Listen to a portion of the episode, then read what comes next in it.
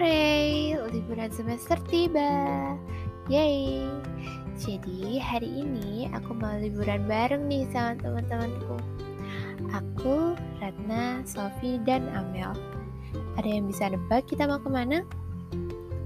Yap, ke pantai.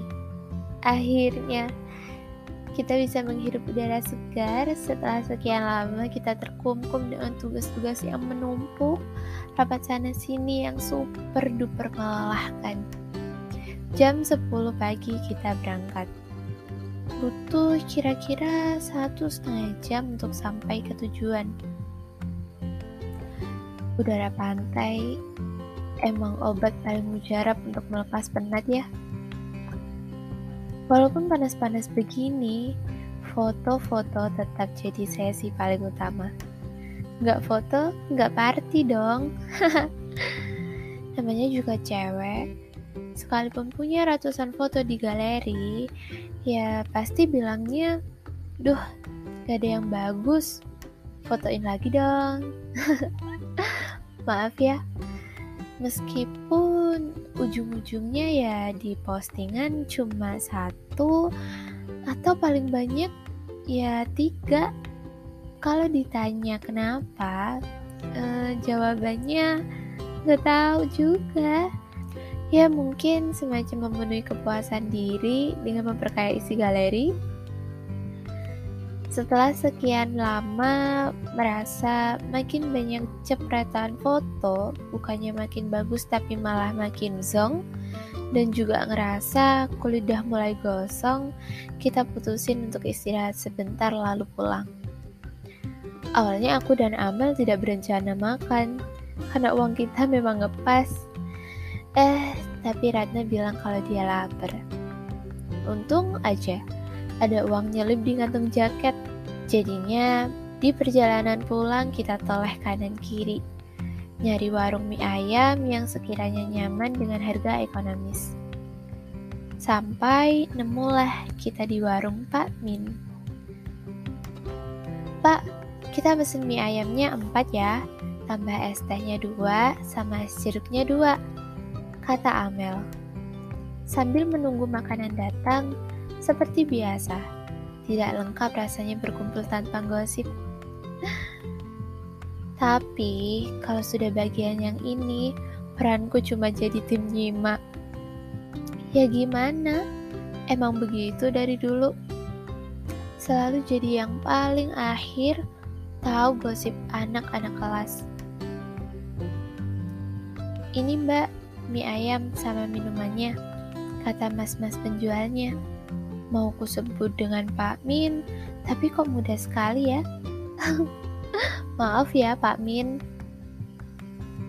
Makan tidak lantas menghalangi untuk lanjut ke gosip yang tadi ya. Sambil mendengarkan kutuang beberapa sambal, kemudian kuaduk.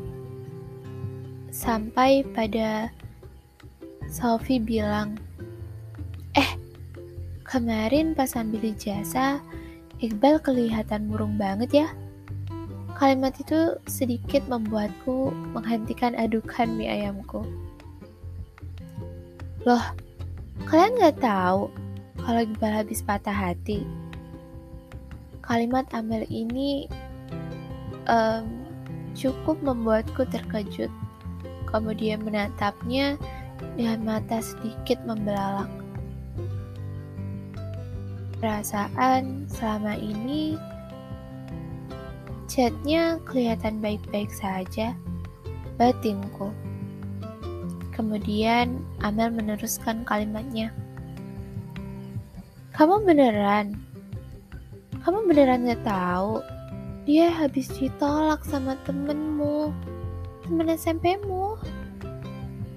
Pernyataan Amel cukup membuat otakku berpikir keras, tapi tetap tidak ada jawabannya. Kemudian Amel berbisik-bisik padaku. Cukup membuatku sedikit kaget karena aku pikir cerita mereka sudah berhenti saat SMA. Ternyata masih berlanjut sampai sekarang. Pikiranku sudah ke mana-mana.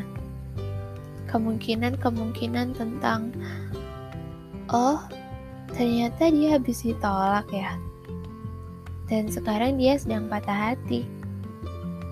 Tapi kenapa selama chat seperti dia ada sesuatu ya sama aku?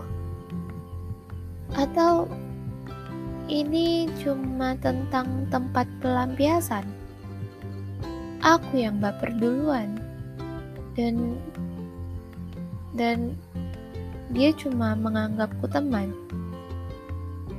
Pikiran-pikiran itu menyerang pikiranku. Sepanjang perjalanan pulang, aku hanya terdiam.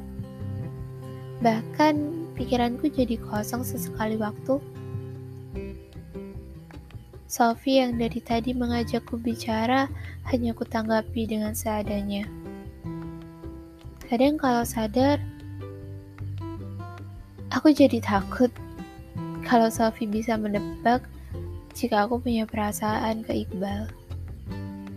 Ya karena kelihatan banget murungku setelah topik tadi. Duh, kalau gini, enaknya aku lanjut atau berhenti ya, naruh harapan ke Iqbal. thank you